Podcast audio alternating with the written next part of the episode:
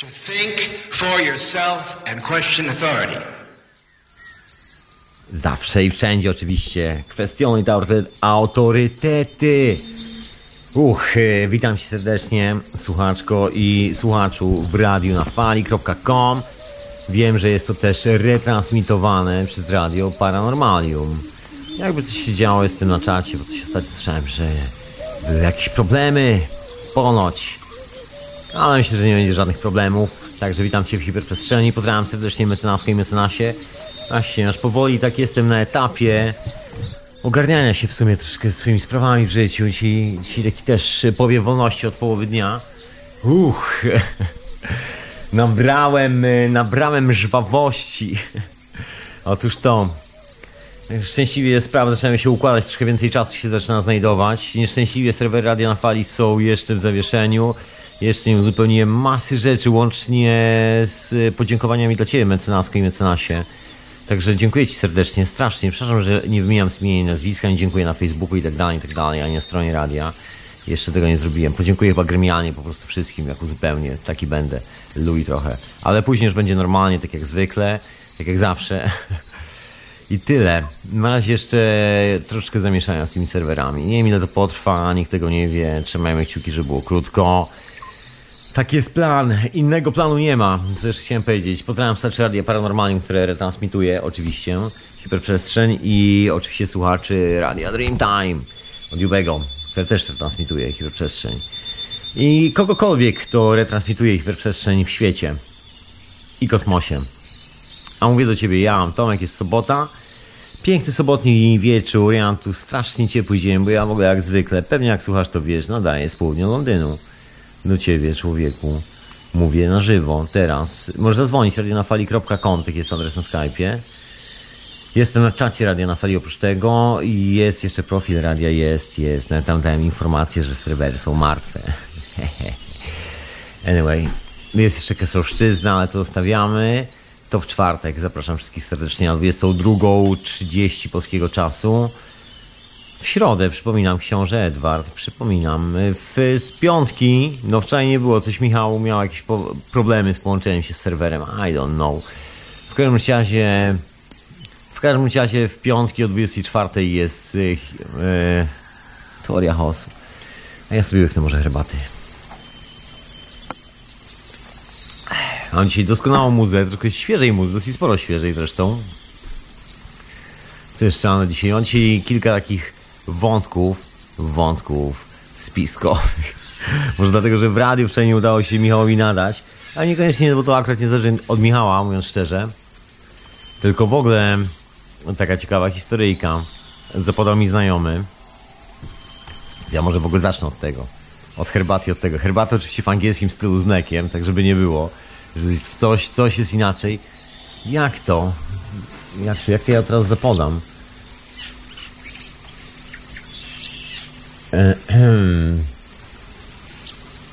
Jak ja teraz to zapodam? Właśnie teraz próbuję sobie to przypomnieć, gdzie to w ogóle było. A miałem to w linkach, ale nie wiem, gdzie teraz mam. W każdym razie to po prostu powiem z, z niczego, czyli z głowy, jak to się popularnie mówi. Ale jestem przygotowany. Gdzieś to mam, gdzieś to mam. Jak znajdę, to wkleję linka. Jeżeli Mike nie słuchasz, porzuć mi tego linka, bo to od Majka w ogóle dostałem. Także yy, właśnie. Ale to może za parę chwil. W każdym razie. Link to historia z wydarzenia tutaj w Anglii związanego z głową koronowaną tego kraju, czyli z królową. Chodzi dokładnie o to, że się wyrwało starej kobiecie, która już, no, wiek już dosyć solidny, już niewiele może, ale dalej, dalej próbuje tam rządzić światem i dociskać wszystkich dookoła i korygować rzeczywistość. No mniejsza o to. Zostawiamy komentarze na temat królowej, biednej, starej, schorowanej kobiety. I do rzeczy, no więc wymsknęło jej się, myśląc, że chyba wszystko jest wyłączone, mikrofony czy jakoś tak.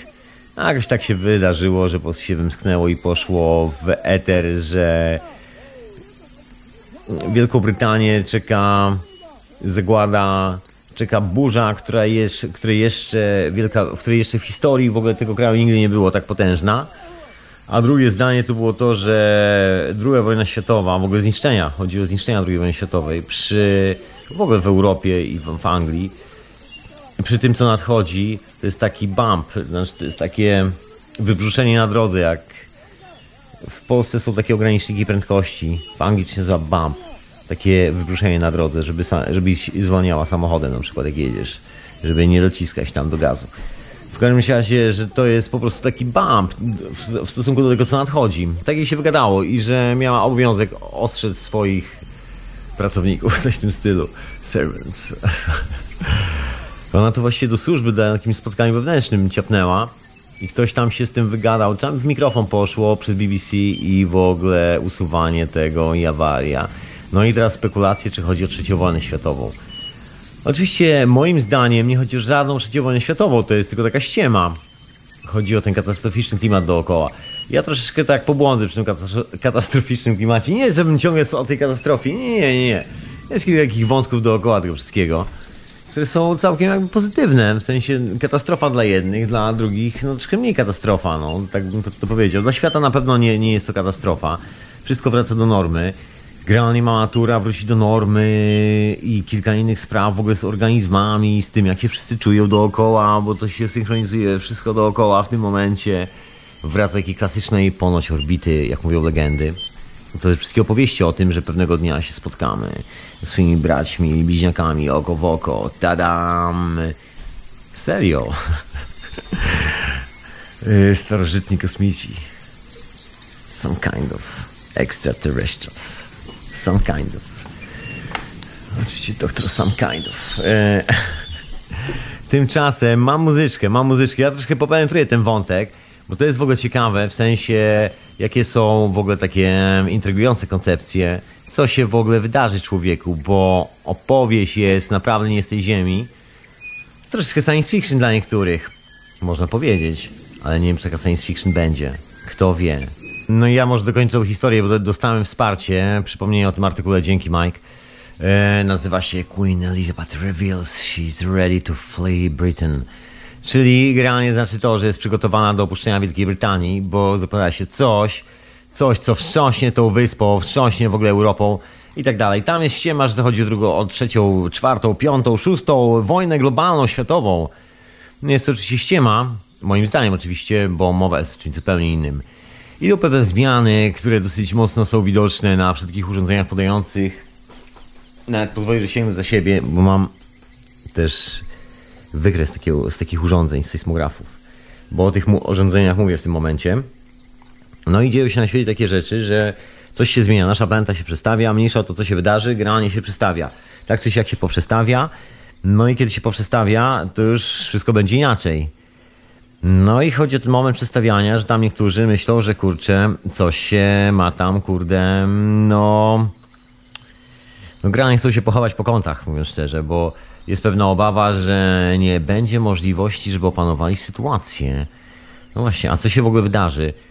Ciekawe są takie, może powiedzieć, egzotyczne dla niektórych przypuszczenia. Mniejsza o to, myśl na ten temat cokolwiek sobie żywnie chcesz myśleć, dziewczyno i chłopaku, absolutnie.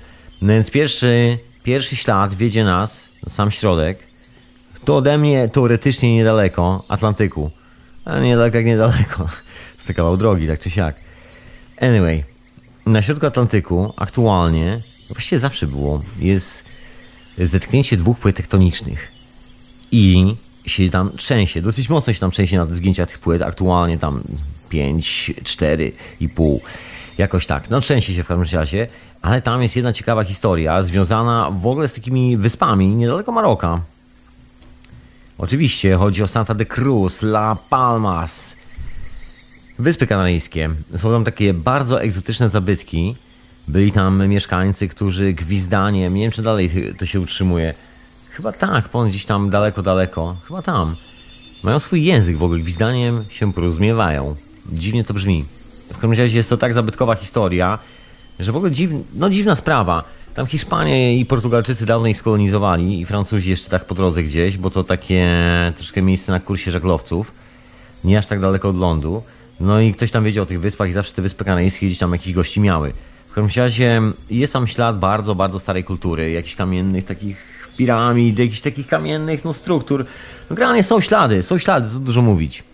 Nie wszędzie, może, ale są ślady. Ale ślady są jeszcze ciekawsze. Na dnie Atlantyku pojawiły się takie zdjęcia satelitarne, właściwie pojawiło się parę zdjęć satelitarnych.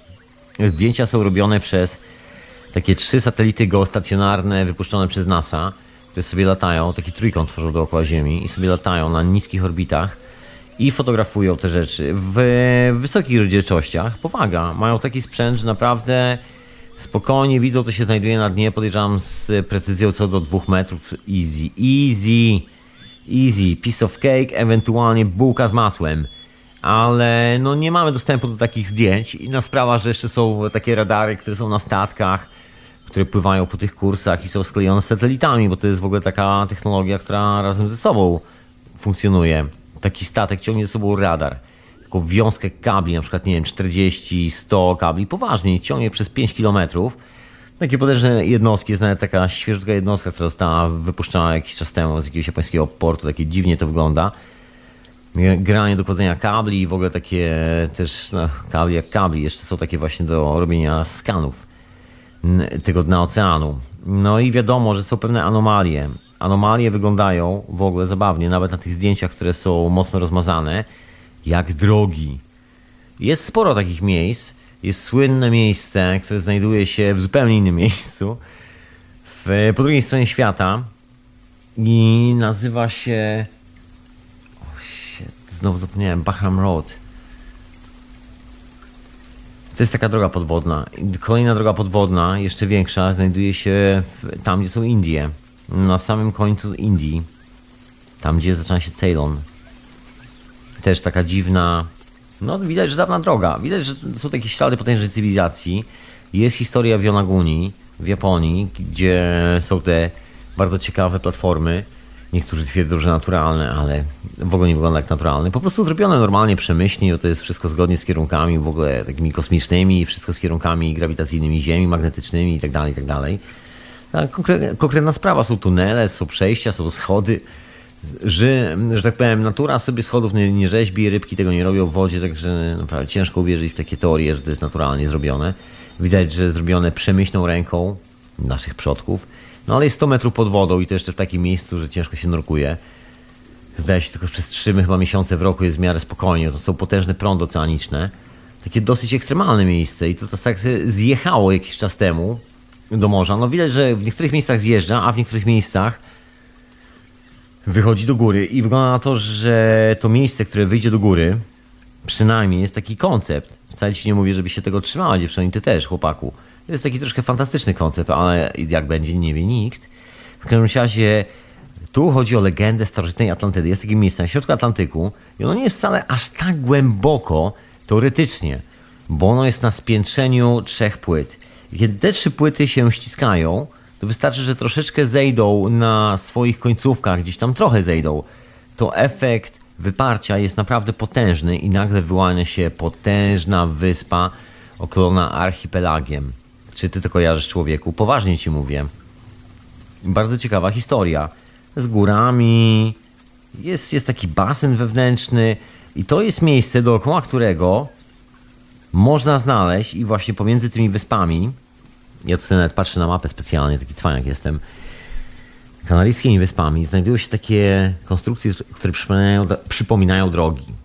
I na tym polega cała zabawa. Że jest coś, coś, co prawdopodobnie może wynurzyć się z oceanu. I są nawet ślady, bo to nie jest taka historia, to się w ogóle nie dzieje.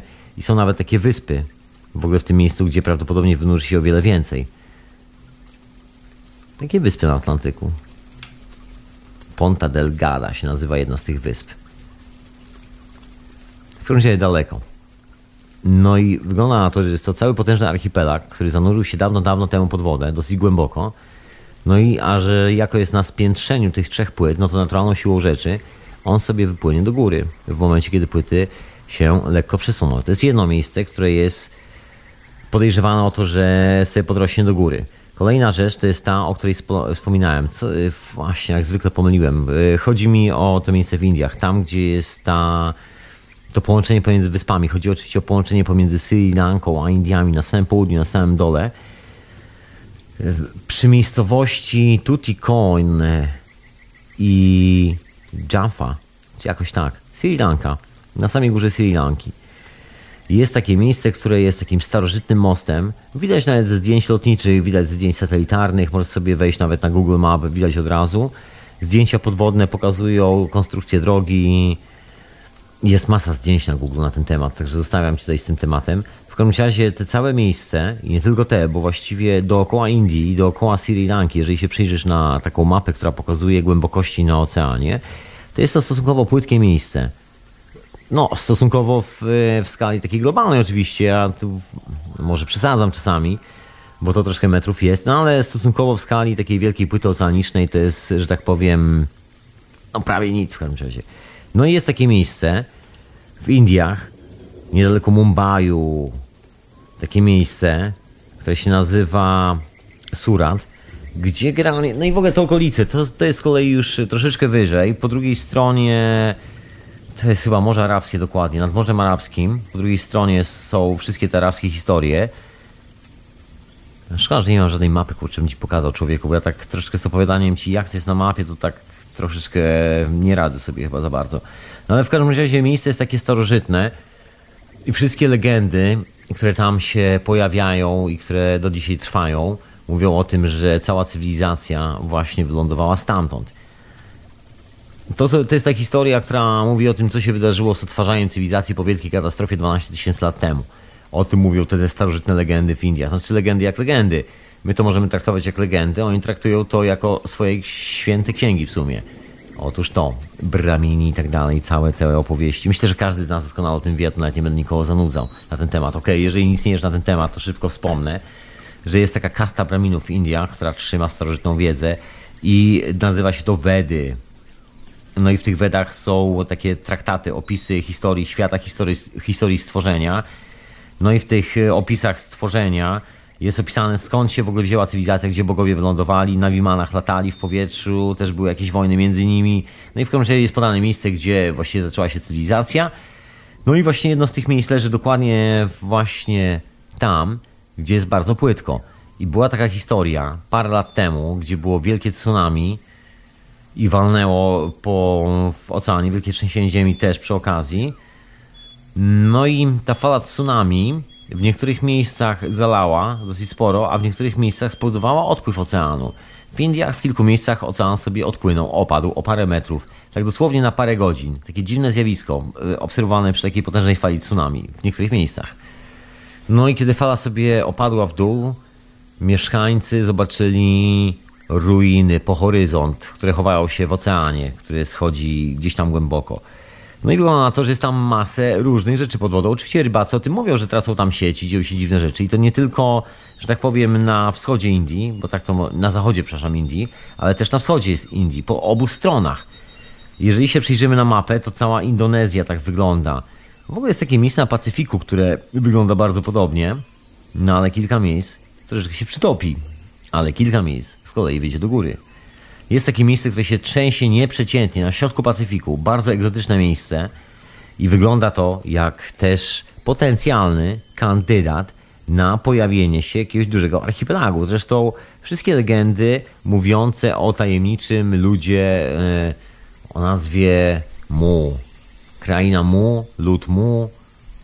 Właściwie nawet nie wiem jak to odmieniać.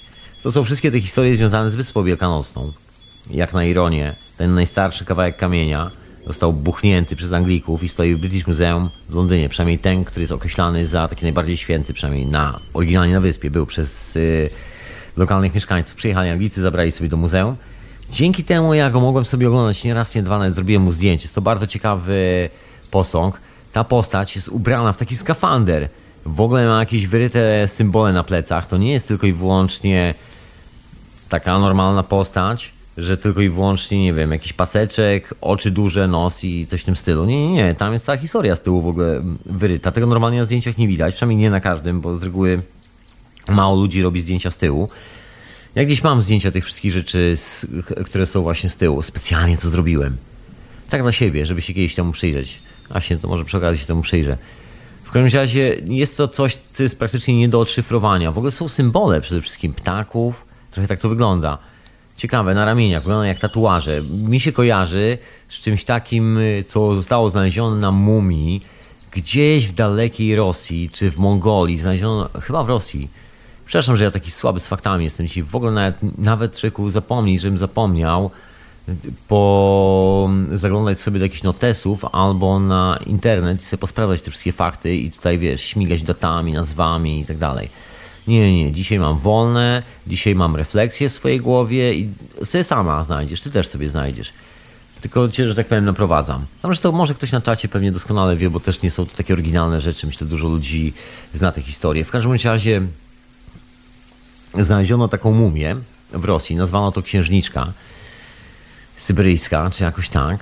Bardzo ciekawa, bo ma tatuaże, takie bardzo specyficzne, fajne, takie, no fajnie to wygląda, takie fajne wzorki. Gdzieś to jest na internecie, muszę tego poszukać. W końcu jak będzie jakaś muzyczka, to poszukam, może znajdę. No i mówiąc szczerze, te ptaki, te przedstawienia są troszeczkę może nie tyle podobne, bo są mocno zamazane i ciężko stwierdzić, jak daleko są prawdopodobne. To byłoby naprawdę mocne takie strzelanie troszkę na oko. Tu bym chyba troszkę wymyślał tobie. No, nową historię bym tworzył. Ale jest, jest coś charakterystycznego, pewne krągłości, pewien sposób myślenia graficznego o przestrzeni. No jest coś takiego. Powiem ci, że przyznam się, jeżeli słuchasz tej audycji od niedawna i na przykład nie wiesz, co ja w ogóle robiłem w życiu na przykład czasami, to ja w ogóle i robię dalej czasami. Zawodowo jestem grafikiem praktycznie całe życie i zajmuję się tak komercyjnie grafiką. Także od tej strony, jak się przyglądam tym wszystkim obrazkom, to dosyć no, łatwo jest zauważyć takie analogie, że na przykład jest podobny styl, podobna forma opisowa, znaczy podobna forma opisowa, to brzmi, że charakter obrazka jest bardzo podobny, że na przykład są grupy ludzi, jedni z lewa, drudzy z prawa, jedni z lewej półkuli świata, drudzy z prawej. Historia mówi o tym, że ponoć nie było żadnej komunikacji między nimi, a na przykład przedstawienia graficzne wielu rzeczy są bardzo podobne. Sposób rysowania jest taki sam na przykład. Coś, co wygląda jak pismo. To jest w ogóle ciekawa sprawa związana z Wyspą Wielkanocną. Pismo Maui, czy jakoś tak. Ranga, e, tanga, ranga, ranga. Przepraszam, ranga, ranga. Swoją drogą bardzo popularna chyba na początku lat 90. Pamiętam masę koszulek z krótkim rękawem z tym pismem ranga, ranga. No dobrze to mówię. Shit. Ja nigdy nie pamiętam nas tych wszystkich rzeczy, ale mniejsza o to. E, przygoda jest samemu sięgnąć po te wszystkie rzeczy i samemu, samemu przestudiować. Ja sobie odpuszczam dzisiaj wszystkie nazwy. Pogubiłem je z głowy, w ogóle jestem tu zajęty zupełnie innymi sprawami, się tak relaksacyjnie człowieku.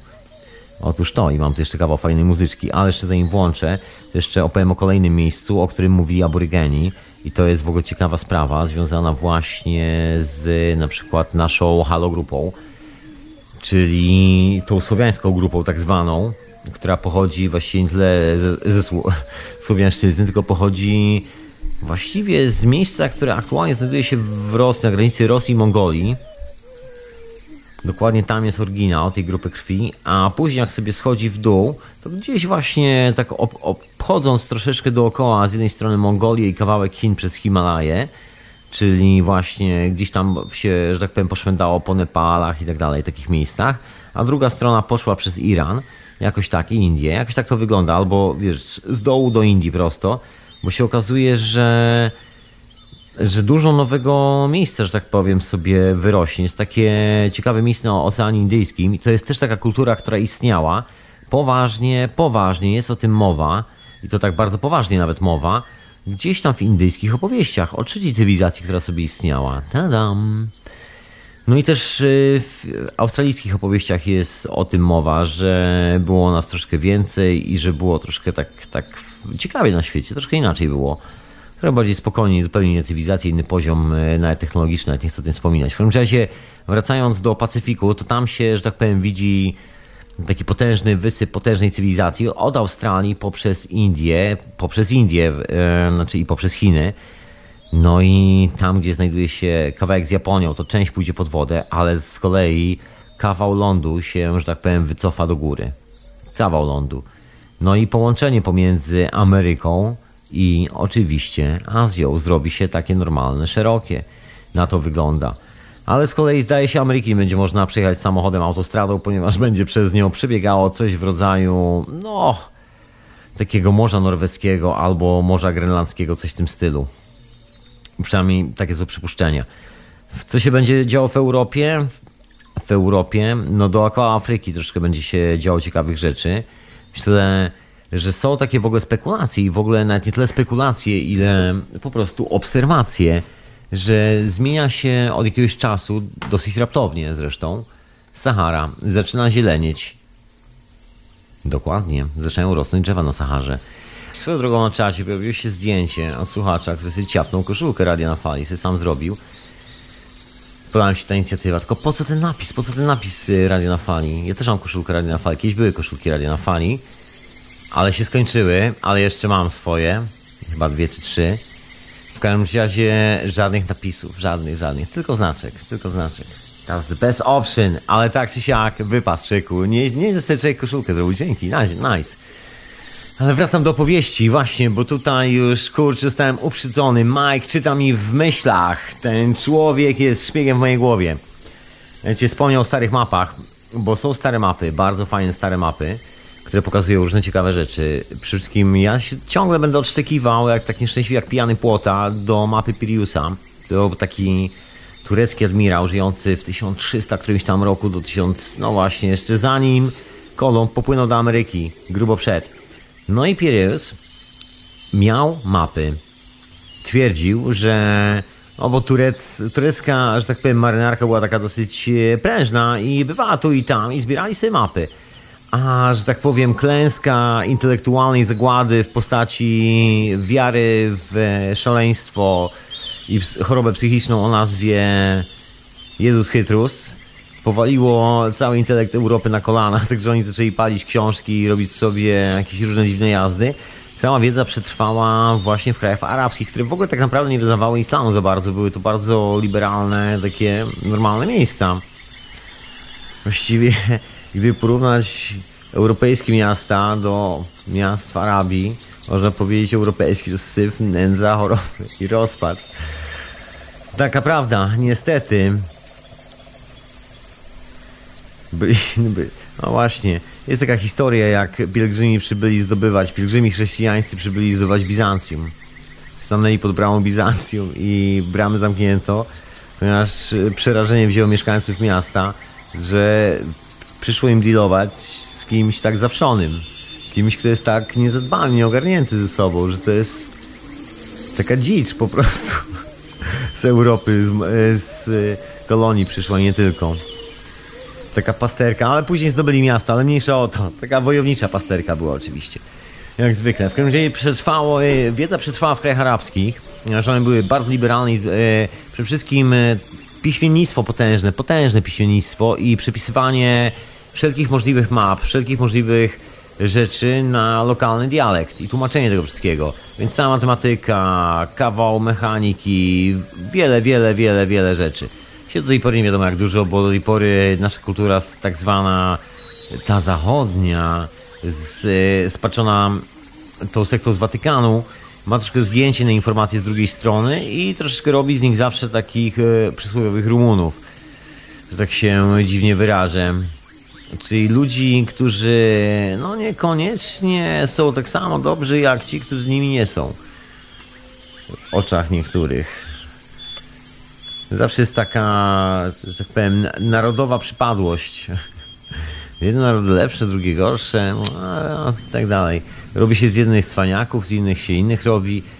No ale mniejsza o to, z nich zrobiono, w ogóle nie wiadomo kogo aktualnie, turystów z nich zrobiono, ale oni posiadali oryginalną wiedzę i między innymi świadectwem tego jest ów admirał, który zbierał stare mapy, no i tych map było ponoć dosyć sporo i kazał je kopiować ocalało do naszych czasów właściwie, co, co ocalało? Ocalał tylko jeden kawałek. Kawałek pokazujący Atlantyk z doskonałym brzegiem całej Ameryki Południowej, dożyczem Amazonii, pokazującym Kubę, pokazującym Amerykę, kawałek Ameryki Północnej, pokazującym bardzo dziwną końcówkę Ameryki Południowej, łączącą się z Grenlandią, zdaje się. To nie jest, to jest Arktyk, Arktyka? Antarktyda, ja zawsze to mylę. Ale ze mnie ćwok, jejku, to już w ogóle zawaria na maksa.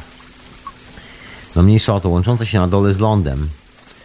To się nazywa Dark e, Drake Passage po angielsku. Po polsku to będzie... To jest przylądek Horn po polsku, o, dokładnie. tamtędy sobie zasuwa. Otóż to, a chyba jestem troszkę rozkojarzony dzisiaj. No mniejsza o to, o moje rozkojarzenie. Ja, ja tu się posilę mapą, troszkę to mi pomoże. W każdym razie, jeżeli przyjrzysz się na mapę Piriusa, to zauważysz, że sama końcówka, tam gdzie znajduje się Argentyna, Urugwaj, nagle kontynent się rozszerza, nabiera innego kształtu i łączy się na dole z czymś dodatkowym, że to nie wygląda tak jak teraz. Jest w takiej dziwnej proporcji w stosunku do Afryki i że jest coś jeszcze ekstra. I ta mapa pokazuje ląd jeszcze przed zanurzeniem. Ciekawa historia. A najlepszy numer jest taki, że panowie geolodzy spadali mapę Piriusa, bo ona jest narysowana w taki fajny sposób, że jest tak piór, piórkiem rysowana tak do wewnątrz. Ja mówię z punktu widzenia pana grafika, tutaj koleżanko i kolego, i tak zawodowego. Jest użyta specyficzna technika do rysowania brzegów. Niby, niby mogliby namalować normalnie, mogliby, było parę technik do wyboru, zwyczajnie, o to chodzi. Nie wszystkie starodruki, nie wszystkie manuskrypty z tamtego okresu są malowane dokładnie w ten sam sposób. Mhm. Są używane różne techniki. Mhm. Nawet w różnych kulturach. To podstawa, ale nawet w jednej kulturze masz kilka różnych technik. W zależności od materiału, w zależności od sposobu, w jaki kopiowano. Jest taka metoda na przykład kopiowania map i ta metoda była na nieszczęście stosowana bardzo mocno w e, średniowiecznej Europie przez jezuitów ale metoda była świadomie wybierana w ten sposób. Mianowicie kopiowano mapy tak, że, je, że niszczono automatycznie oryginał. Jest taka metoda. Idealnie się kopiuje, pięknie się przenosi mapę, ale oryginału już nie ma. To jest najlepsza metoda, jak zatrzeć wszelkie ślady. Swoją drogą, tam ja tak. To poproszę następną koszulkę sobie zrobić po prostu bez napisu i tyle, a to sobie zrobić jako piżamy do domu. Tam ciągnę na temat koszulki, bo tam e, kolega się spytał, przecież wysłał do mnie maila z pytaniem, czy może. Oczywiście, że może. Każdy może sobie zrobić koszulkę Radio na Fali. Tylko oczywiście proszę, proszę jej nie robić na masową skalę, tylko dla siebie, tak prywatnie, że tak powiem. Tak, takie, dokładnie, prywatnie, na swój własny użytek. Otóż to, żadnych komercyjnych zastosowań, proszę. I róbcie sobie ludzie co chcecie. Człowiek, rób sobie co chcesz. Wszystkiego najlepszego w ogóle. Świetnie, że wygląda koszulka, także pozdrawiam serdecznie. Właśnie. Tutaj mam podpowiedzi na czacie. Polecam w ogóle wpaść na czata, bo jest y, Mike. Mike mi tutaj dzisiaj doskonale podpowiada. Jest takim y, sidekickiem, można powiedzieć, z czata. Ja dzisiaj tak już wyluzowany spokojnie. Przez to, że nie mam takich notatek związnych, mogę spokojnie się właśnie dzięki temu być na czacie. Także człowieku wpali na czata. Ja taki jestem troszkę interaktywny dzisiaj dzięki temu. Tadam! Fajnie, prawda? Czasami mieć troszkę swobodniejszą sobotę i wtedy można spokojnie tą hiperprzestrzeń poprowadzić, opowiedzieć historię od troszkę takiej swobodniejszej strony, bez tych wielkich dat, bez, wiesz, z robienia notatek, słuchaj, bez oceny w dzienniczku, wiesz. Miło i przyjemnie. Anyway, wracając do historii, mapa wygląda jak odmalowana ze zdjęcia satelitarnego, dokładnie. I to satelity zro e, zrobionego, znajdującego się nad Kairem. Otóż to, rysunek zdjęcia satelitarnego nad Kairem, bo można po rozciągnięciu się, że tak powiem, po współrzędnych na zdjęciu rozpoznać e, krzywiznę Ziemi zwyczajnie. Ja wiem, że niektórzy nie wierzą w krzywiznę Ziemi. To jest w ogóle fenomen. W dzisiejszych czasach są ludzie, którzy wierzą, że Ziemia jest płaska. Albo na przykład, że Księżyc jest wewnątrz Ziemi. Albo, że w ogóle nie było na przykład nikogo na Księżycu. Ale są dowody, są. Ja powiem tylko jeden na przykład, dowodzie. Nie wiem, czy o nim kiedykolwiek mówiłem. Kiedyś chyba wspominałem. Jedna z wypraw, nie wiadomo czy filmy są oryginalne. Zdjęcia są oryginalne, jest, jest kilka oryginalnych zdjęć z lądowania na Księżycu i autentyczność ich zdjęć jest absolutnie nie do podważenia. Są to zdjęcia z NASA. Widać łunę dookoła ludzi, widać pole, jak mawiał Wilhelm Reich, oryginalne. Właściwie widać plazmę, tak to nazywamy w dzisiejszych czasach. Dawniej niektórzy podejrzewali, że to jest fake, że to jest odbijanie się dodatkowego światła w kombinezonach itd., tak itd. Tak jest kilka zdjęć, które są absolutnie oryginalne, są czarno-białe. Nie było żadnych kolorowych zdjęć robionych wtedy na Księżycu i tylko niewiele. I one są takie no, mocno niedokładne, ponieważ były robione na specjalnej kliszy, specjalnymi filtrami. Tych aparatów było dokładnie 5 egzemplarzy wyprodukowanych przez firmę, przy czym e, przy czym jeden, dwa zostały chyba, jakoś tak, dwa, dwa zostały na Ziemi, trzy trafiły do NASA. Dwa zostały w Hasselbladzie, bo to robione przez Hasselblad aparaty. On był na aukcji, ten aparat, zdaje się, parę lat temu. Nie wiem, czy ja też o tym kiedyś nie wspominałem. Jakieś 4 lata czy 5 lat temu on był na aukcji, ten jeden z tych ostatnich modeli do sprzedania. Stanley Kubrick używał obiektywów e, właśnie specjalnie z tych aparatów do kręcenia jednego ze swoich filmów, bo używał oświetlenia ze świec. I chodziło o czułość kliszy filmowej. Normalnie żaden aparat, żadne szkło, żadna po prostu mechanika sprzętu nie dawała takich możliwości, żeby nakręcić tak e, delikatne światło na, na filmie. A mu się udało właśnie dzięki temu sprytnemu obiektywowi, dzięki w ogóle temu aparatowi. Znaczy tam on miał kamerę zbudowaną właśnie w tym stylu, z tym obiektywem, z tym układem optycznym, o, o to chodziło. I tam jeszcze zastosowano dodatkową sztuczkę, o której pisze Trevor, Trevor James Constable. O, to jest historia, droga słuchaczka i drogi słuchaczu. Chodzi o książkę e, The Cosmic Pulse of Life. książka sezonu, książka mojego życia. Żartuję sobie z tym książką mojego życia, ale książka sezonu tutaj teraz. Jest tutaj w czytaniu. No i jest e, w trakcie eksperyment, bo tam jest opisany eksperyment, jak fotografować właśnie w taki sposób, żeby było widać wszystkie te rzeczy. Bo to jest specjalna technika fotografii, która została zapomniana w latach 50. Ostatni raz wykorzystywana przez Wilhelma Reicha między innymi. No więc y, trzeba mieć specjalny aparat. Aparat już y, mam. Nie mój. Został mi udostępniony, ale aparat mam zorganizowany. Dokładnie ten model o który chodzi. Dokładnie ten, który jest opisany w tej książce. Aparat się nazywa. Mam go przy sobie, także to akurat mogę powiedzieć. Aparat się nazywa Praktika FX2. Dokładnie o ten model praktyki chodzi. Otóż tą. I specjalną kliszę na podczerwień. I jeszcze do tego jest dobry taki bardzo głęboki filtr podczerwieni zakładany na obiektyw. I tym się robi zdjęcia właśnie zjawisk, które są normalnym okiem niewidoczne, owych łun i wielu innych rzeczy. I dokładnie bardzo podobnej, właściwie tej samej, zmiksowanej jeszcze z, e, z inną, dodatkowe filtry. Tej technologii używała NASA podczas robienia zdjęć na Księżycu. Dlatego są takie dziadowskie. Jest kilka oryginalnych zdjęć. Bardzo dużo jest e, bardzo dziwnych zdjęć Generalnie wygląda na to, że 90% to są takie, a nie wiem co to jest w ogóle, tak bardzo dyskusyjnie do tego podchodzę. Kilka zdjęć wygląda tak, że naprawdę ciężko mi uwierzyć w to, że to było robione na jakimkolwiek księżycu. Jest kilka takich mocnych strzałów tam, które mnie tłuką po oczach jako zawodowego grafika. Przez całe życie, przez całe życie. Właściwie chyba nie robiłem innej roboty nigdy w życiu. Znaczy robiłem, ale to tak hobbystycznie, znaczy hobbystycznie, jak jakby no, robię kilka projektów w życiu. Nie, żebym się zamykał tylko wyłącznie w swoim zawodzie, ale to jest mój jakby główny zawód. Też mam troszkę czasu spędzonego właśnie na pracy ze zdjęciami, szczególnie właśnie specjalizując się właśnie w pracy z, z fotografami przez ostatnie lata tu w Anglii. I to właśnie z taką edytorialową fotografią profesjonalną, czyli no tam jest dużo rzeźbienia, dużo wymyślania, tam jest przestawiania masy rzeczy na zdjęciach, robi się wszystko od nowa. I człowiek się uczy takich rzeczy, że to, to też takie stare, klasyczne techniki, bo to jeszcze, o, mniejsza o to, po prostu zawód, no. Tyle, że to nieraz, nie dwa z kolegami rozmawiałem, bo to moja ekspertyza jest tylko moją ekspertyzą, nie musisz mi wcale wierzyć. Ale mam tu swoich kolegów po fachu też czasami i czasami z nimi też rozmawiam na temat różnych zdjęć i no, są po prostu takie spostrzeżenia, które wszyscy mają bardzo takie same, no, że tak się zaplączę. W każdym razie zostawię te kontrowersyjne zdjęcia, które są bardzo mocno dyskusyjne dla wszystkich z tej branży której przyszło mi czasami spędzić kawałek życia zawodowo. I wróćmy do tych oryginalnych zdjęć, bo to jest klub programu. One pokazują właśnie takie dodatkowe zjawiska dookoła nas. I to jest pewien ślad takich dodatkowych mocy, o których nikt tu nie ma pojęcia. I wracając do y, tego księżyca są dowody na to, bo poza tymi zdjęciami, które oczywiście zawsze ktoś może powiedzieć, że ale one też są fałszywe. No dobra, okej. Okay. To ci kosmonauci zostawili jedną rzecz na księżycu.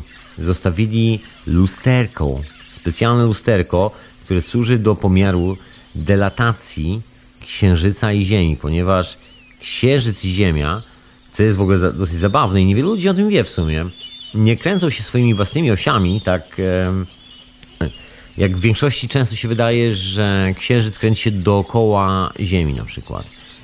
A Ziemia stoi na przykład w miarę w miejscu. Otóż nie. Mamy jeszcze trzeci malutki księżyc, który jest pomiędzy tym księżycem, który widzimy, a Ziemią. Taki malutki kawałek skały, taki ekstra księżyc.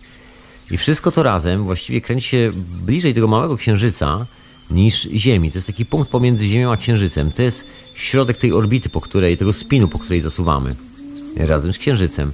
Dlatego zawsze wydaje nam się, że widzimy księżyc z jednej strony, bo kiedy widzimy drugą stronę, jest ona kompletnie ciemna i na tym polega cały numer.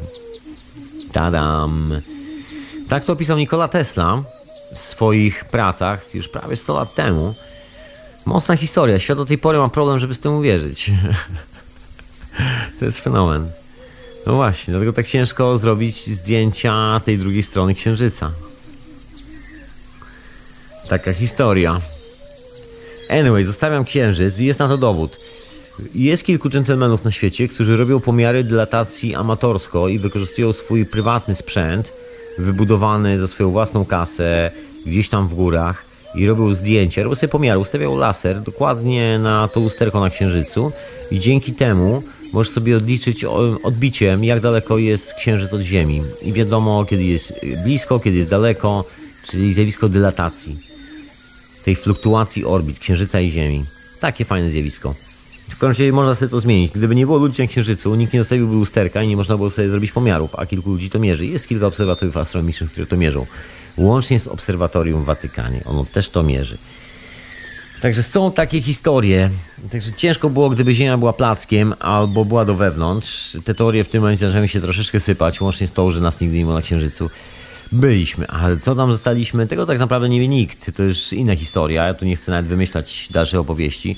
W każdym razie coś, co czeka nas teraz, jest niczym odkrycie, nie, nie wiem, drugie lądowanie na Księżycu. Ziemia się podniesie, bo jeżeli ktoś robił zdjęcia satelitarne z niskich orbit i rysował na podstawie tego mapy, no to umówmy się, słabo nie było, jeżeli chodzi o cywilizację. Było troszkę lepiej niż teraz. I mapy są w miarę świeże, bo mapy pokazują już po y, świat gdzieś tak 6000 lat temu, jakoś tak. Albo i może dawniej.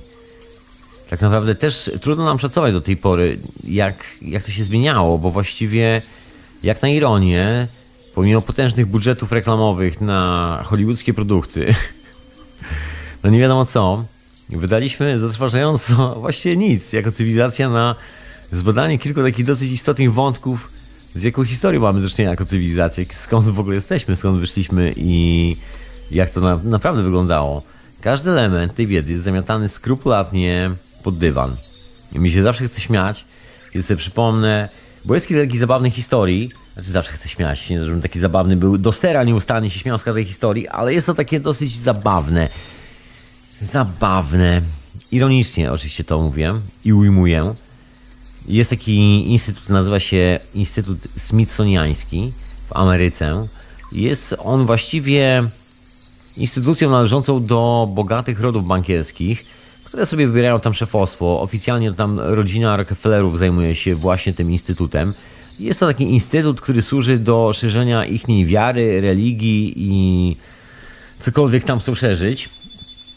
W każdym razie mają gigantyczną kasę i przez setki, no może nie setki to przesadziłem, ale przez prawie 100 lat zajmowali się wykupywaniem i zajmują dalej wykupywaniem wszelkich wykopalisk archeologicznych, finansowaniem różnych badań, czasami z tak zwanego pogranicza właśnie tych badań, gdzie znajduje się artifacts out of place, czyli artefakty poza miejscem. Czyli te, o których nie wiemy nic, te, które no teraz już wiemy, niektórzy z nas się domyślają, bo niektórzy wdepnęli w pewną technologię, także teraz nagle sprawy zaczynają wyglądać bardzo znajomo. Ale to może zostawiam na czwartek, także jak chcesz posłuchać o znajomych sprawach technologicznych, to zapraszam na czwartek. Tymczasem no nie daje, nie daje to spokoju. Pojawiają się takie sytuacje i w tym momencie trzeba to schować. No i jest pierwsza dokumentacja archeologiczna i ślad tych rzeczy się pojawia. Później jest dokumentacja katalogowa. I ona też jest dostępna, bo jest kopia tej, tej dokumentacji katalogowej. Lubię, ludzie robią kopie z tej dokumentacji i tak dalej. Bo tam są numery i wszystko jest katalogowane i wiadomo, że jak zginie numer pomiędzy na przykład siódemką a dziewiątką, to wiadomo, gdzie jest kartka numer 8. Ha! No właśnie. No i dowcip polega na tym, że w tych katalogach też to się pojawia, bo jest to księgowane. Jest to w katalogach magazynu, bo tam jest osobna księgowość. Poważnie ci mówię. Skąd to wiem? Zaraz ci powiem, bo wypłynęły dokumenty na początku lat 90., 91 i 3 rok. A dokładnie dotyczyło to mikroskopu Royala Kinga. Tego genialnego optycznego mikroskopu, skonstruowanego w taki sposób, że no jest wielkości takiej, takiego głośnika, takiego sub, subwoofera jak do komputera, takiej kostki, może 40 cm na 30, może trochę większej, tylko może trochę wyższa, tam 40 do 50 cm. Mały taki mikroskop, poważnie, mieszczący się dosłownie na biurku, ok, musimy mieć trochę większe biurko i jest ok. Metalowy, ale z, ze specjalnymi szkłami, kwarcowymi, z kawałkami kwarcu, do tego jeszcze specjalne tam urządzenia w środku cewki, akumulatory i tak dalej, bo zasilane było własnym prądem.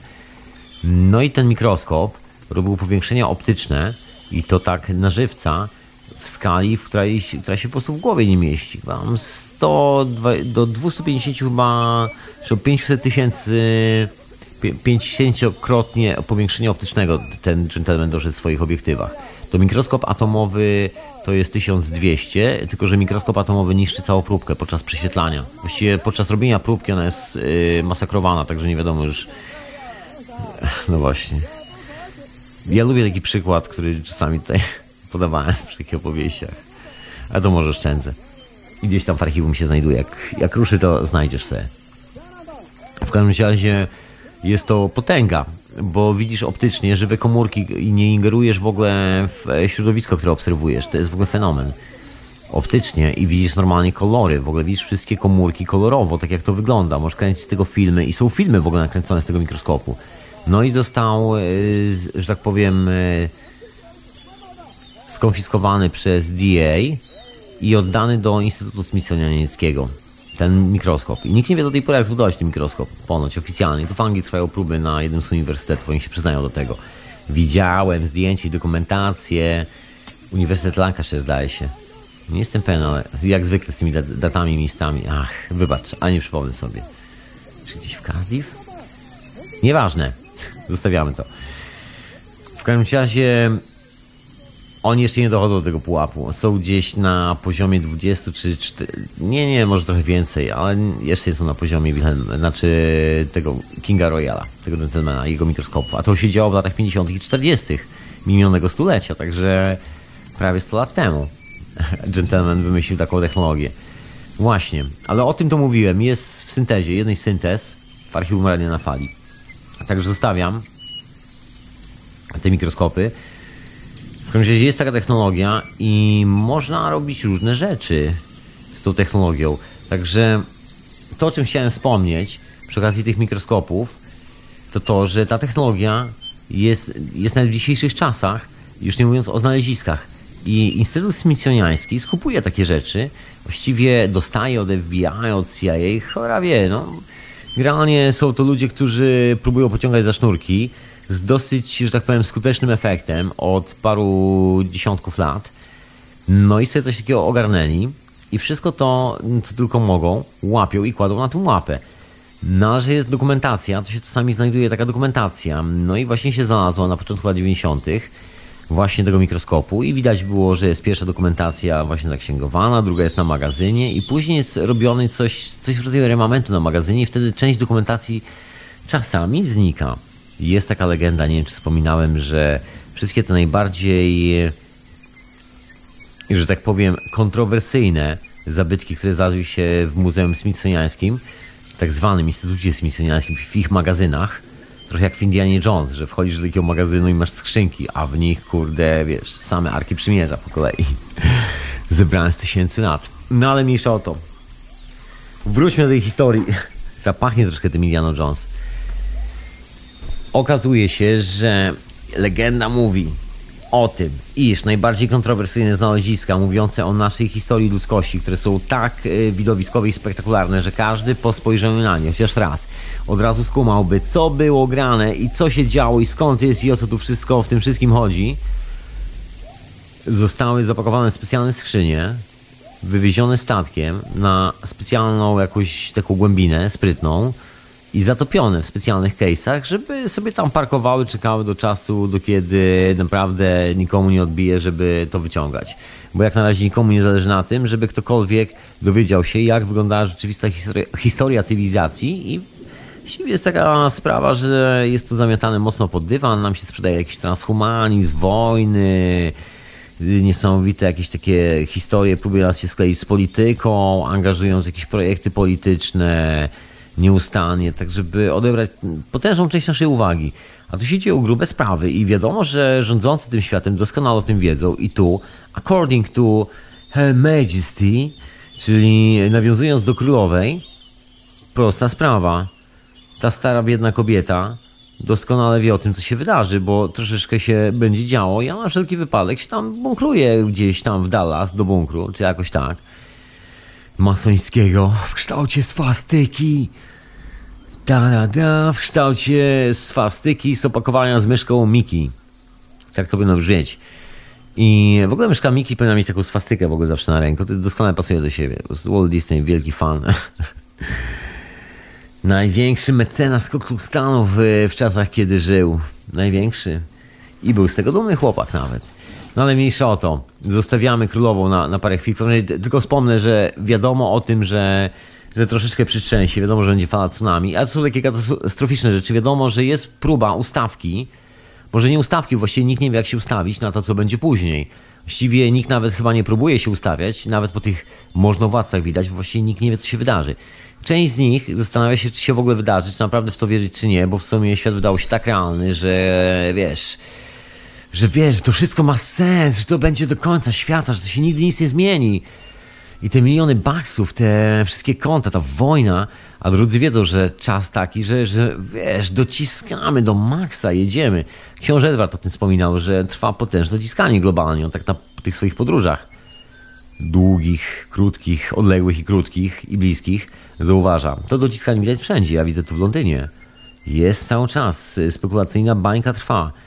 Jest gonitwa za mamoną, jest próba zaangażowania jak największych środków i zasobów w to, żebyśmy wszyscy się ślizgali jak po kruchym lodzie na łyżwach. Troszeczkę krzywy numer. Krzywy numer, ale widać. Widać, że niektórzy coś kumają, bo ruchy są takie trochę wycofujące się w niektórych sekcjach, że tak powiem. Szczególnie nafta. Wycofuje się z kilku rzeczy, tam są zamykane niektóre sprawy, widać przy reaktorach jądrowych. Widać w ogóle w polityce, że na bardzo wysokich stobla, szczeblach władzy, na przykład taka ciekawostka, spotkanie grupy Bilderberg było planowane w Stanach, a zostało odwołane w Stanach i zostało przeniesione do Europy, w miejsce, gdzie jest twarda, gruba płyta kontynentalna w Niemczech, zdaje się. Otóż to. I myślę, że to nie przez przypadek.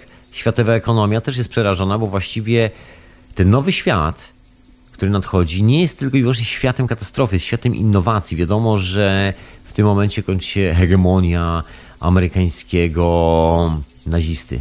Tak to można powiedzieć, bo tak można nazwać rząd amerykański. Szczęśliwie w Stanach jest masa normalnych ludzi, masa zwyczajnych, normalnych ludzi, jak i w Europie, jak wszędzie, bo to nie ma co polaryzować ludzi. Wszędzie wszyscy jesteśmy wspaniałymi dżentelmenami i damami. Wszystko jest absolutnie okej. Okay. Wszyscy, wszyscy dajemy radę. Tylko ta próba polaryzacji bierze się z polityki. Niektórzy nas próbują zaangażować. Zauważyłeś, że niektórzy przyspieszają ruchy, niektórzy nawet myślę podświadomie, bo to też nie jest kwestia świadomości tego, że świat się zmieni, nadchodzi to, co nadchodzi, to, co wieszcze. Prawie że. To nawet nie to.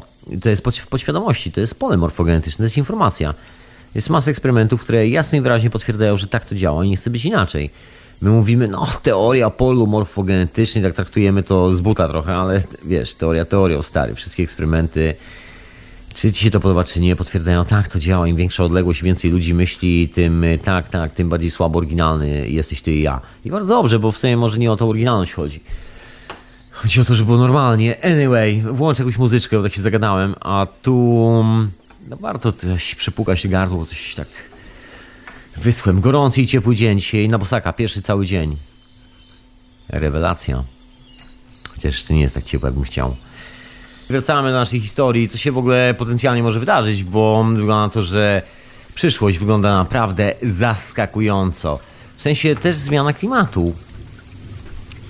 Może być tak, że zamienimy się miejscami troszkę między Amazonią a Saharą. Może tak być, kto wie, właściwie nie wiadomo. Tam właściwie zawsze było zielono, także tam może, może po prostu zostanie, kto wie. Miejsce właściwie nie do ruszenia, takie prastare, tak samo jak e, pewna część Australii, która dokładnie znajduje się właśnie w miejscu, które jest na pograniczu tych potężnych, że tak powiem, tak dosyć płytko zatopionych pozostałości, bo nie wiadomo czym.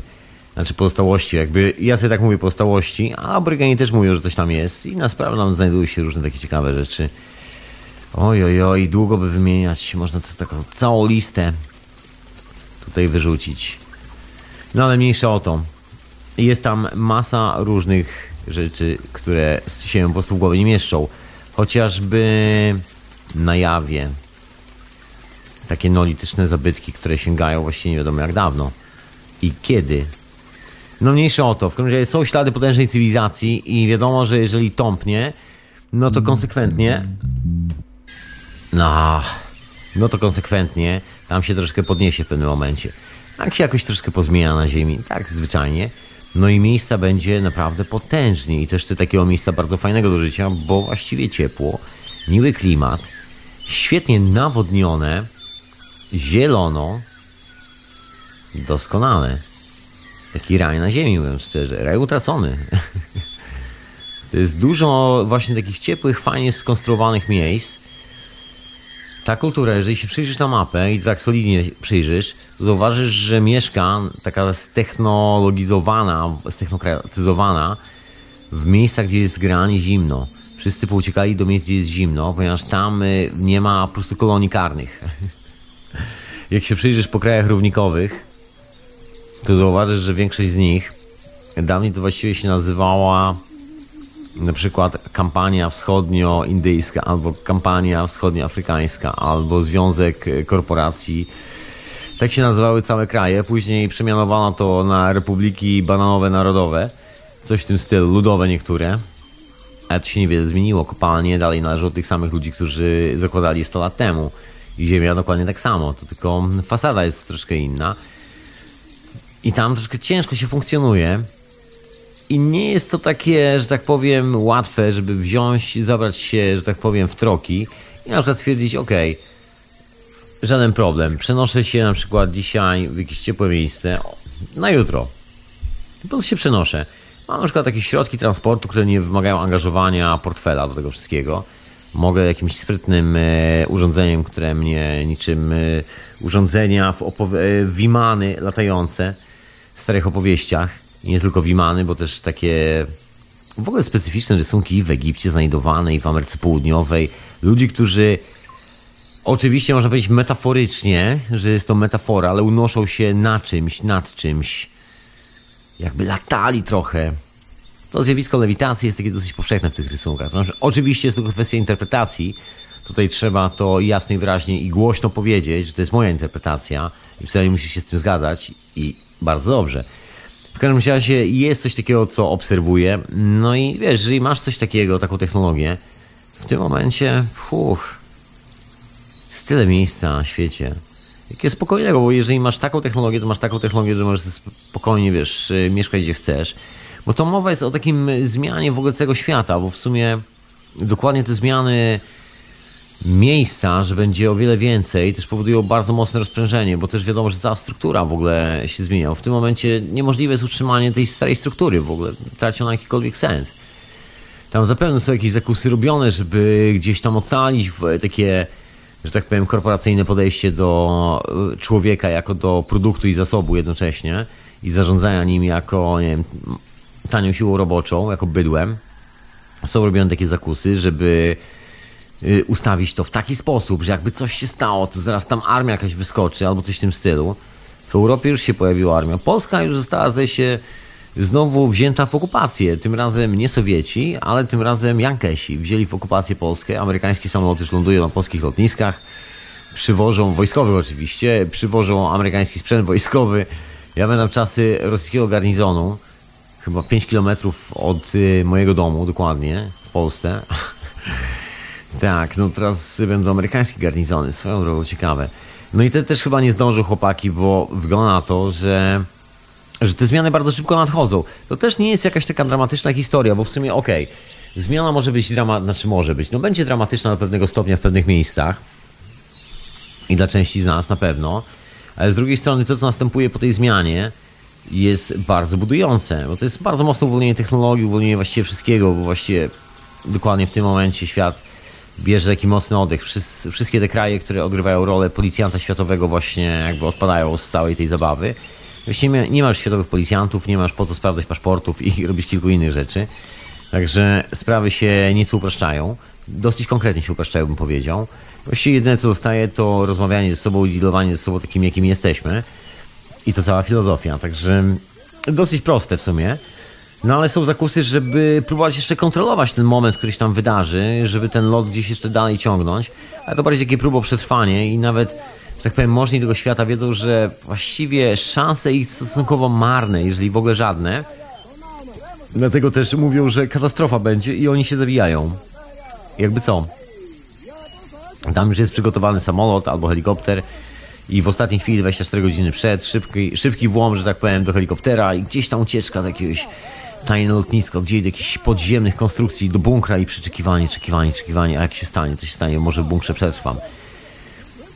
Jakaś taka szalona próba ocalenia jakiejś iluzji, po to, żeby później wyjść z tego bunkra i żeby później próbować się znaleźć w świecie, gdzie już nikt nie potrzebuje właściwie no, takich e, postaci. Bo do czego?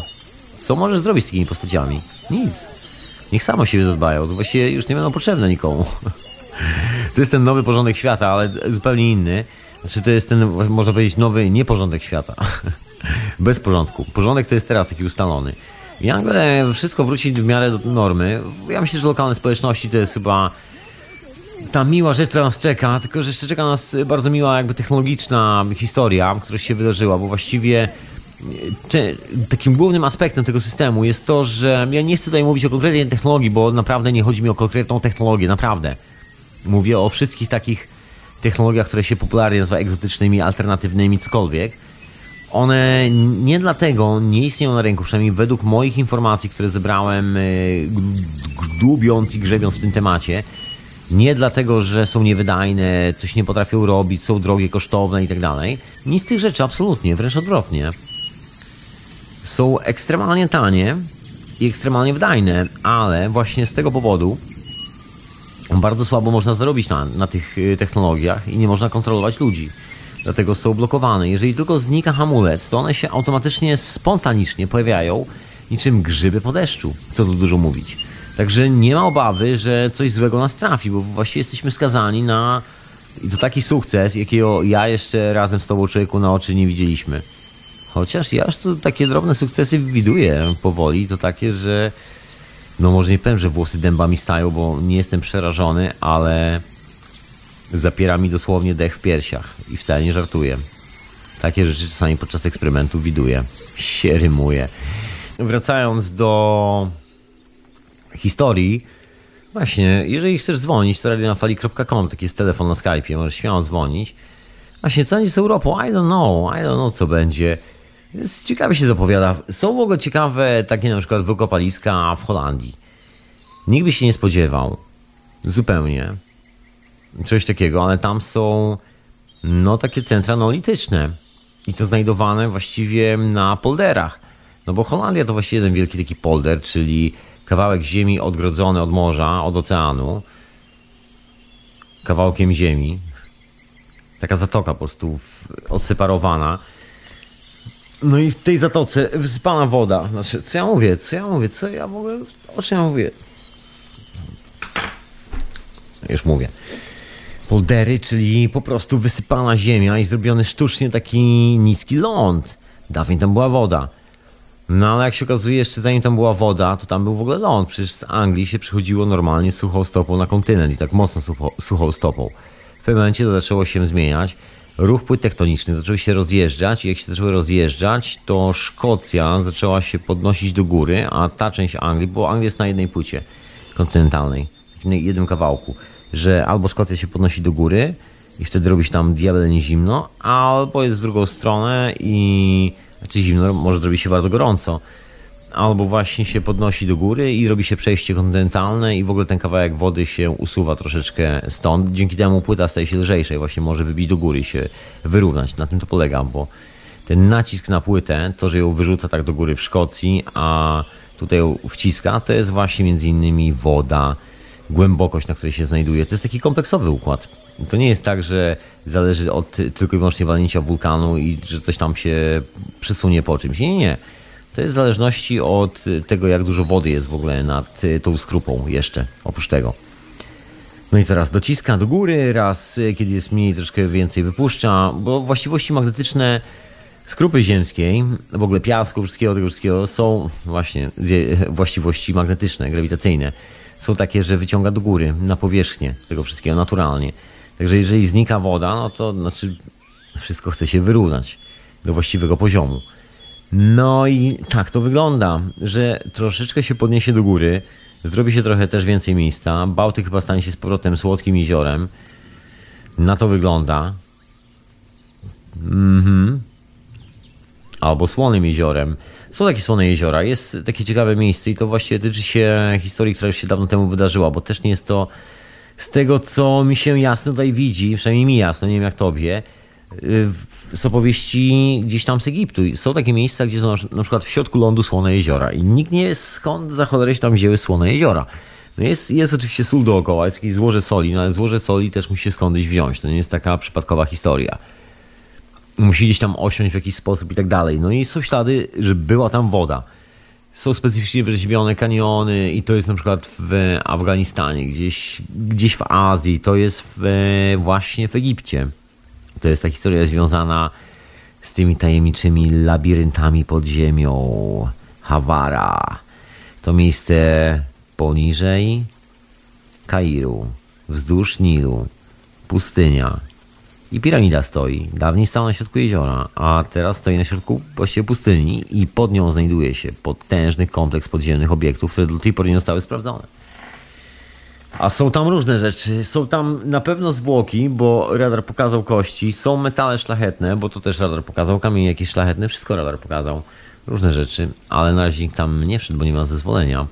No i nagle jak to się wszystko skończy, myślę, że masa ludzi po prostu ruszy tam sobie, żeby sobie sprawdzić, chociażby dla własnej przyjemności i nie po to, żeby zniszczyć, tylko teraz ci, że tak powiem, ci, którzy zawsze chcieli to zrobić i mają środki na to i możliwości, ci za pomocą tego, że no nie było czasu, jak na ironię, robiąc te filmy dokumentalne, robiąc ten cały content, który powstał dzięki chociażby rozprzestrzenianiu się wiedzy w internecie, trafił do wielu ludzi, no i teraz mają wsparcie na przykład z mojej strony i z twojej strony, jeżeli będą chcieli coś takiego zrobić, bo zawsze byli zatrzymywani, żeby w tych badaniach nie, nie, nie, nie, nie, nie, nie, nie, jak Instytut Smithsoniański, że wziąć i zabronić i zakazać, bo jeszcze się dowiem za dużo o naszej naturze, a jak się dowiem za dużo, no to przestaniemy być niewolnikami, którzy się świetnie sprawdzają właśnie w roli takiego taniego robola, który będzie zasuwał na cudzy, że tak powiem, no nie wiem co, bo WIG i opierunek ci ludzie już mają i to taki na pokolenia.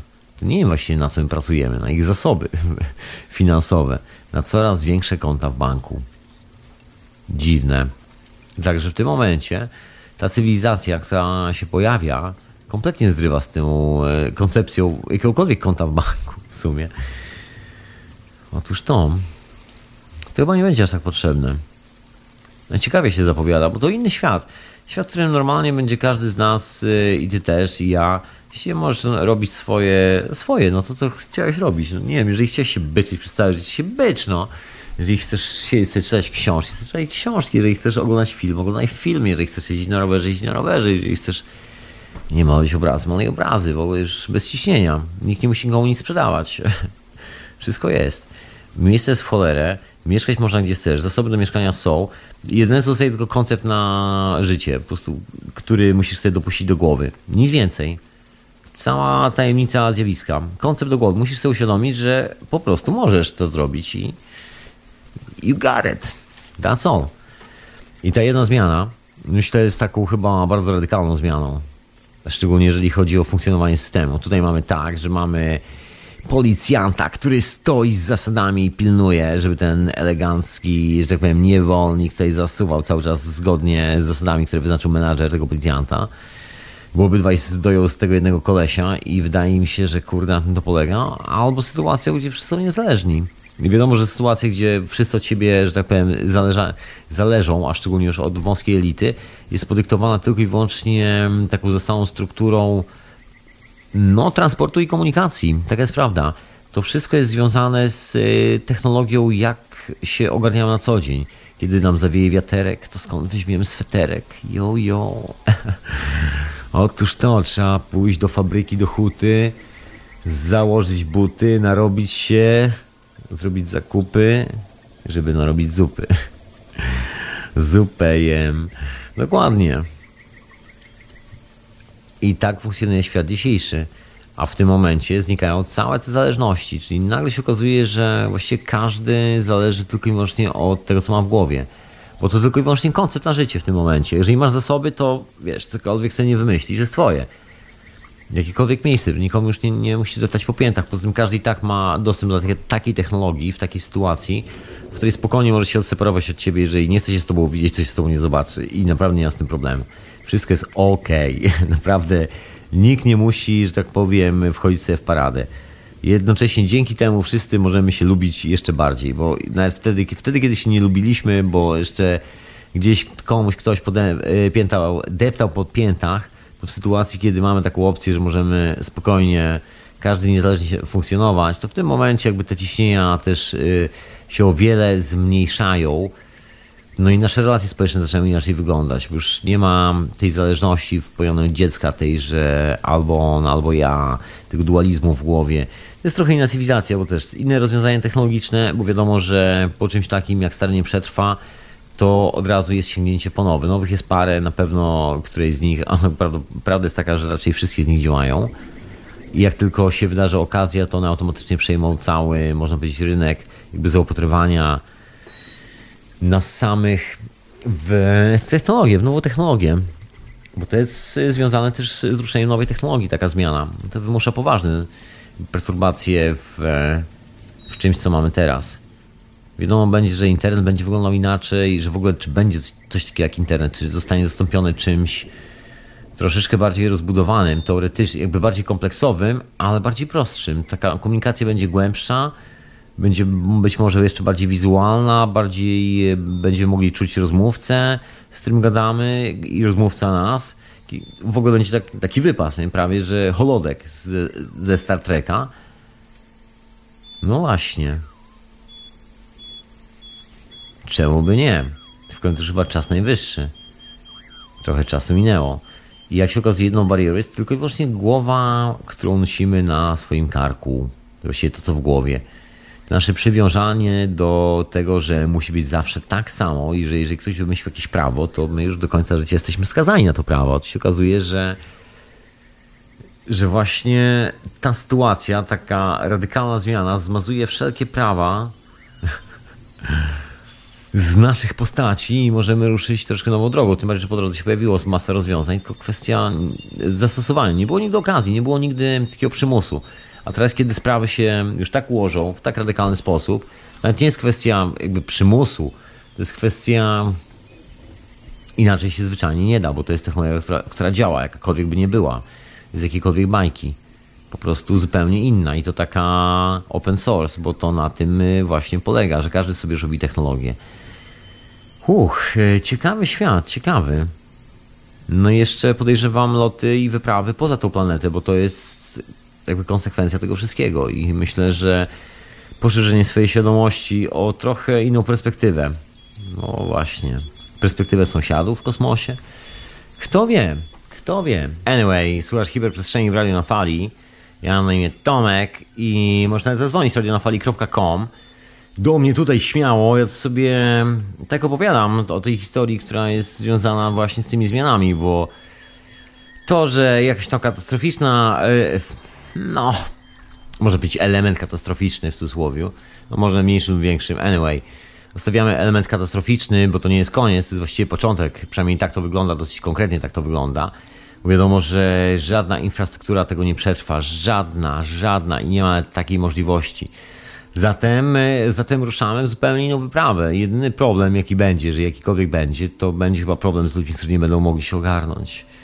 Ale to też chyba myślę, że szybko nastąpi, bo właściwie naturalnie jesteśmy tak skonstruowani, że się ogarniamy w takiej sytuacji lepiej niż w sytuacji, którą mamy teraz. To właśnie brak ogarnięcia jest związany z e, tą naszą radosną iluzją, którą sobie tutaj nieustannie ładujemy do głowy i twierdzimy, że tak będzie zawsze, że na tym to polega, że to są te zasady.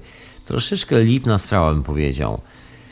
Absolutnie lipna sprawa. Zupełnie się do tego, że tak powiem, nie nadaje w tych nowych czasach, tak zwanych, kiedy wszystko się zmienia.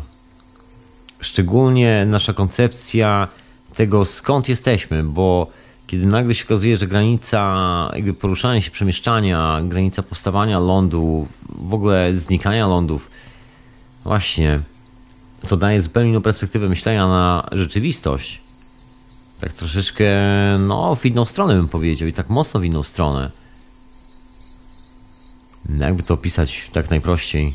No, nie, no tak jak mówię chyba, no nie ma państw żadnych nie ma społeczności jako naród. Jest najwyżej grupa ludzi, która dobrze się ze sobą czuje, bo nie wiem, wygodnie się ze sobą komunikuje, bo tworzy kolektyw, tworzy małą społeczność, nic więcej. Coś na zasadzie dosłownie maksymalnie wiosek podejrzewam 100 osobowych maksymalnie, bo to taki, taki naturalny czynnik. Trochę w dżungli wygląda to oczywiście można powiedzieć dziko, no bo też dżungla jest dzika, na tym polega i urok.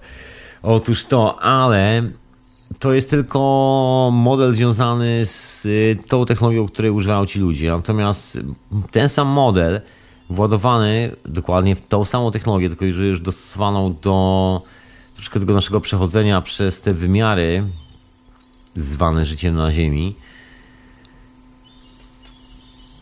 No, wygląda dokładnie tak samo. mając technologię, dzięki której masz zasoby, Możesz robić sobie małą, dowolną, lokalną społeczność, możesz też samodzielnie, możesz jakkolwiek chcesz. Ale społeczność jest fajna, bo fajnie jest z kimś sobie pogadać czasami. To normalne jest to, że jak już wszyscy mają porówno, w cudzysłowie, i znaczy mają tyle, ile potrzebują, może w ten sposób nie porówno, bo to nigdy nie będzie porówno, ale każdy ma tyle, ile potrzebuje, to problemy żadne nie istnieją i ten kontakt między nami jest troszkę bardziej radosny, myślę zdecydowanie. Także tworzenie się pewnych małych społeczności, mówię o wielkich, może 15, może 10, może 3 osoby, może 4, może 5, małe społeczności, po prostu małe, lokalne społeczności, które sobie kursują, wymieniają sobie idee, pracują nad różnymi projektami dla zabawy. To jest taka codzienność, która nas spotka już za parę chwil. I to taka mocna codzienność, że każdy z nas będzie miał opcję właściwie zrobienia dokładnie tego w ten sposób, tak jak lubi. Część z nas, która będzie chciała zapewne zostać tam, gdzie jest, będzie mogła sobie spokojnie tam zostać. Podejrzewam, to będzie chyba najtrudniejsze zadanie, bo w tym momencie ciężko będzie jakby utrzymać swoje, swoją rolę, swoje życie dokładnie w tym samym miejscu. I to chyba dotyczy bardzo wielu na, z nas, jeżeli nie wszystkich nas.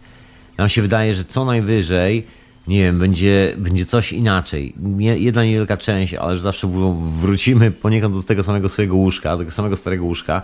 A może być tak, że jak mówi stare jeździeckie przysłowie, wykopie nas to z siodła, ale w zupełnie inne miejsce i wcale nie będzie strachu przed tym i obawy przed tym, że no i poczucia straty przede wszystkim, że coś straciliśmy, bo to jest chyba największy mankament tego wszystkiego, że myśląc o tych zmianach, zatrzymujemy się tylko i wyłącznie na tym katastroficznym wątku i pojawia się taka nostalgia w głowie.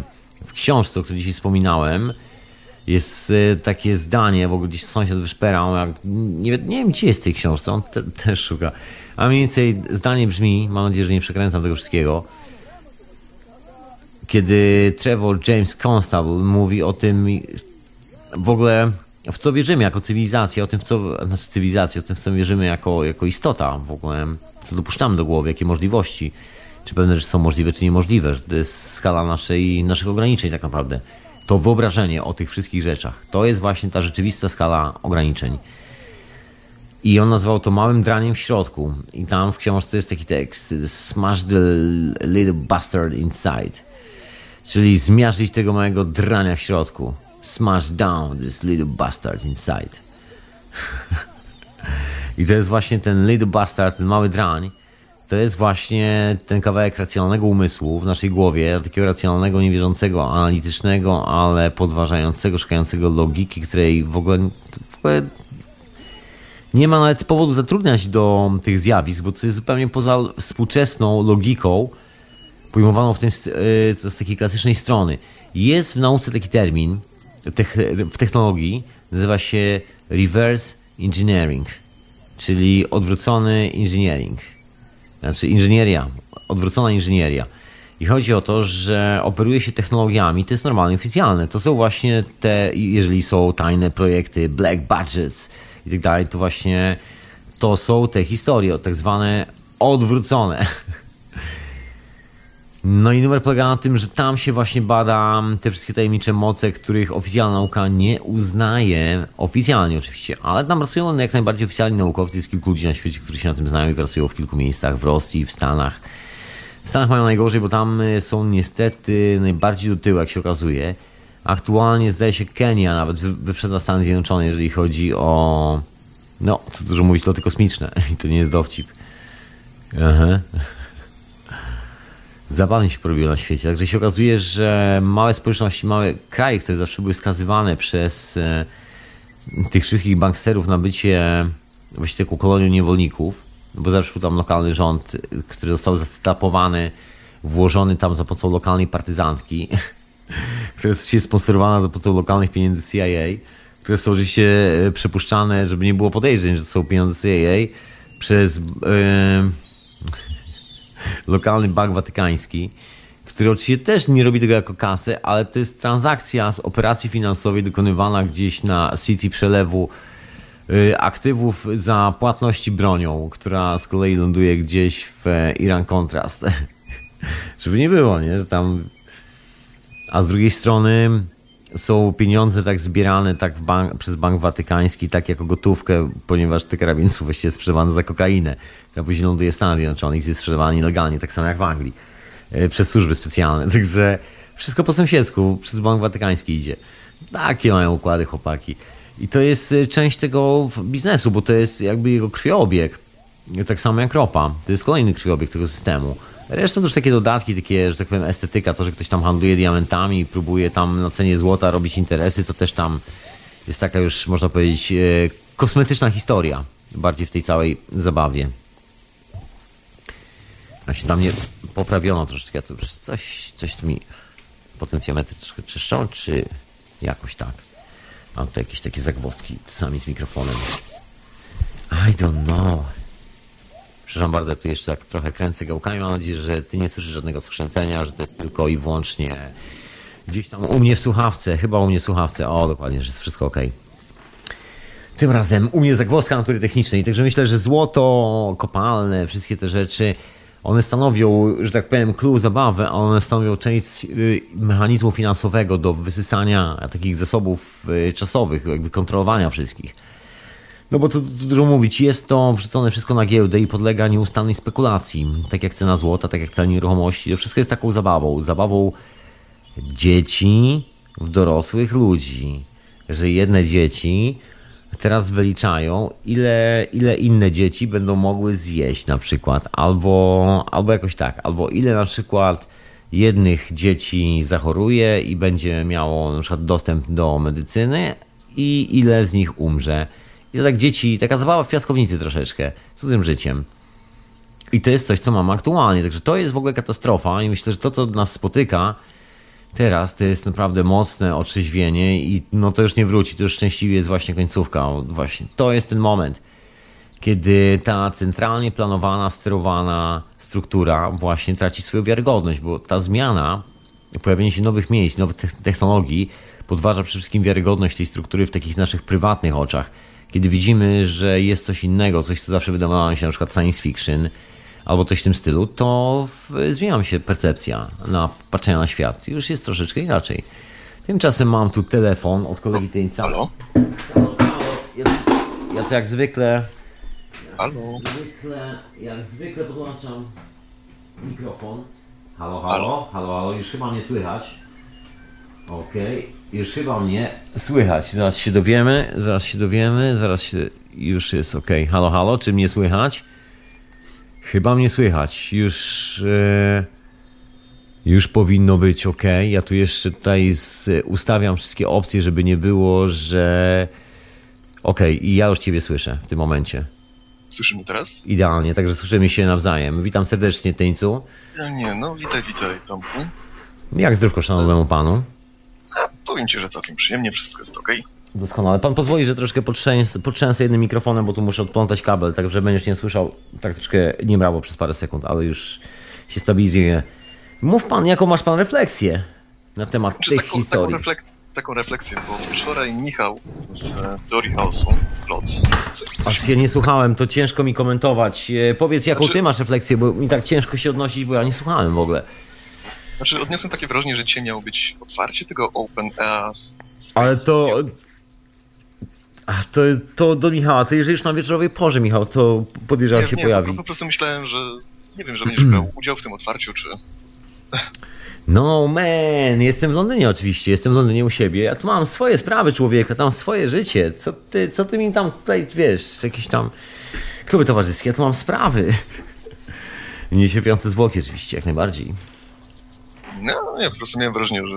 Tfu, wrażenie, po prostu liczę na to, że zwierzę się tam w jakiejś większej grupie i odprawicie rytuały otwarcia studia. A nie, nie, znaczy nie, ja sobie tak żartuję, że tu w Londynie i tak dalej, taki wiesz, atomizacja jakaś taka. Ale to jest projekt Michała, to ja z tym nie mam za bardzo nic wspólnego, jeżeli o to chodzi. Tak, zwyczajnie po prostu tłumacząc tak na ludzki język. To jest yy, naprawdę projekt Michała, jakby jako radio tam, wiesz, no wspieram ten, wiesz, wspieram jak wspieram, no po prostu wspomniałem parę razy o tym, bo Michał poprosił i, i spokojnie, natomiast wiesz, git, no projekt Michała. Także pozdrawiam serdecznie, powinien, bo tak się umawialiśmy, nie wiem, nie wiem co z tego będzie, jak to będzie. A tam mówił, że się pojawi na wieczorowej porze, także te sprawy związane z projektem Michała, to zapraszam na wieczorową porę, może Micha- Michał sam się zgłosi, sam opowie, bo ja nie, nie śledzę jakby tego wątku. Ja to mam zupełnie inną historię. Także zosta- zostawmy to studio, zostawmy to na boku, projekty Michała i mów, e, jaką ty masz refleksję temat moich tutaj wynurzeń. Co ty myślisz na ten temat?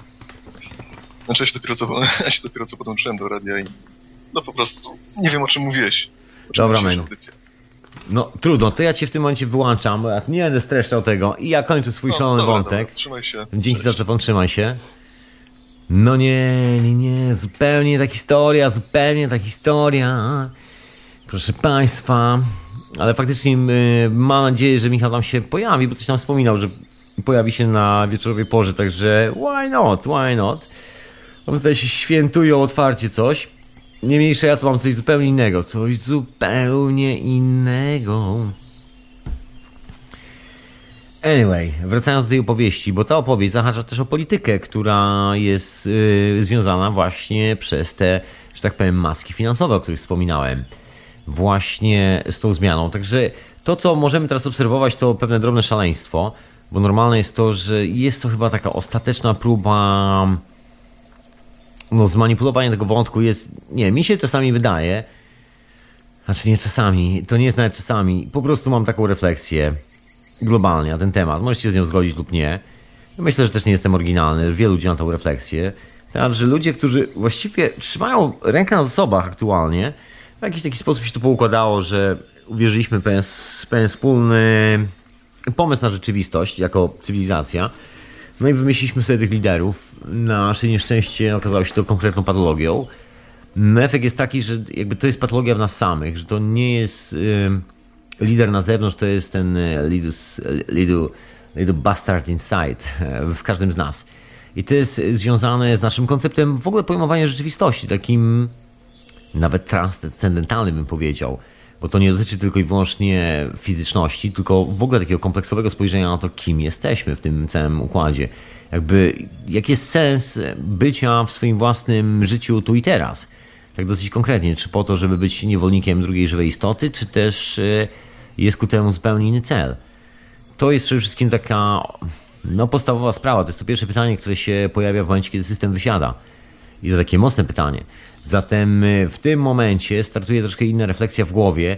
No i kiedy jeszcze pojawia się coś, czego tutaj dawno nie było, chociażby różne rodzaje technologii, która do tej pory wydawała się egzotyczna, w tym momencie jest troszkę tak, jakbyśmy przeskoczyli z ery człowieka, który modli się do pioruna, w, w erę człowieka, który buduje praktycznie od zera urządzenia, które generują dowolną ilość piorunów w dowolnych kierunkach, w dowolnych kształtach. I to jest ta różnica. Jeszcze wie, dlaczego tak się dzieje. I potrafi te pioruny zrobić i w kosmosie, i na Ziemi, i w wodzie, i wszędzie, gdzie tylko sobie do, dowolnie wymyśli. A z drugiej strony mamy człowieka, który klęka przed piorunem i się modli do jakiegoś swojego bóstwa, o którym mu ktoś inny powiedział. Także to jest ta zasadnicza różnica i to zmienia konkretnie punkt widzenia, bo jest to związane też, myślę, z nami. To jest ta prawdziwa istota nas samych i teraz będzie wreszcie czas, żeby to wszystko spokojnie móc sobie odkryć.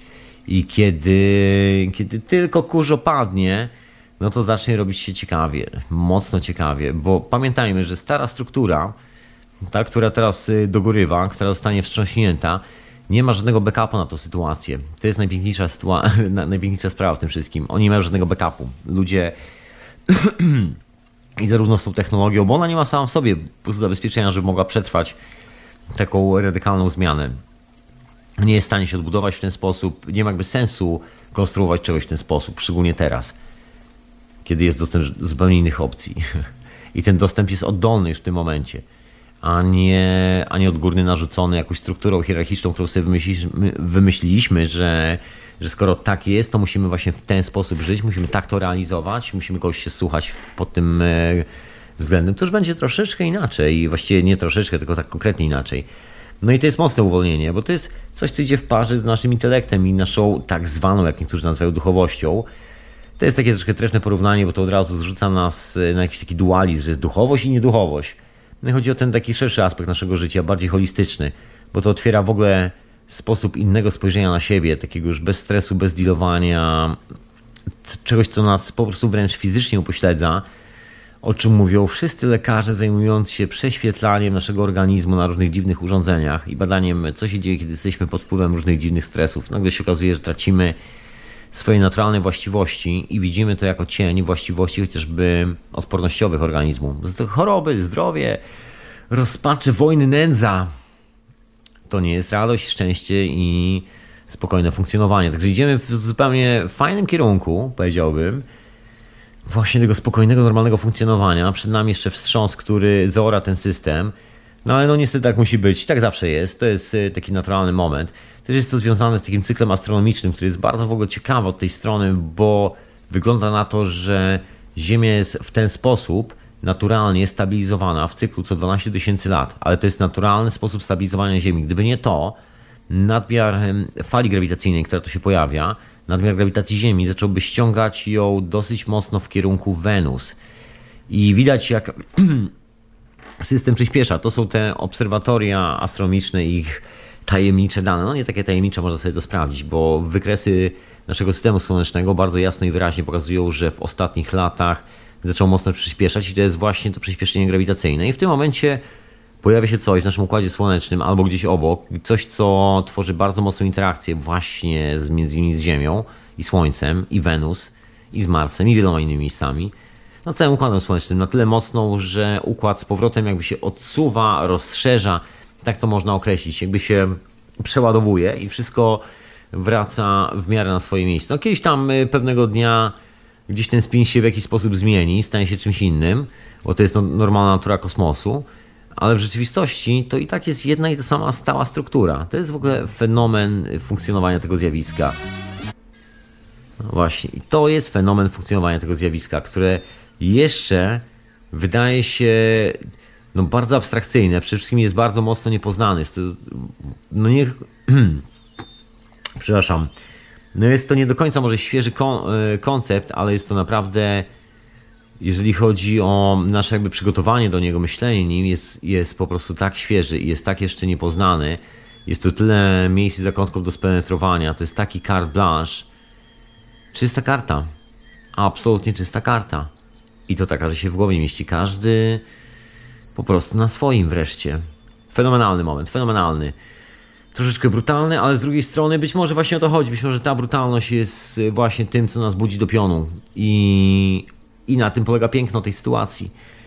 Piękno, którego jeszcze być może dzisiaj nie widzimy, bo jeszcze jesteśmy troszeczkę zakopani w pewnych historiach z przeszłości w naszej głowie. Ten y, Little Bastard Inside. So, smash the little bastard inside! Jak mawiał Trevor James Constable w swojej książce.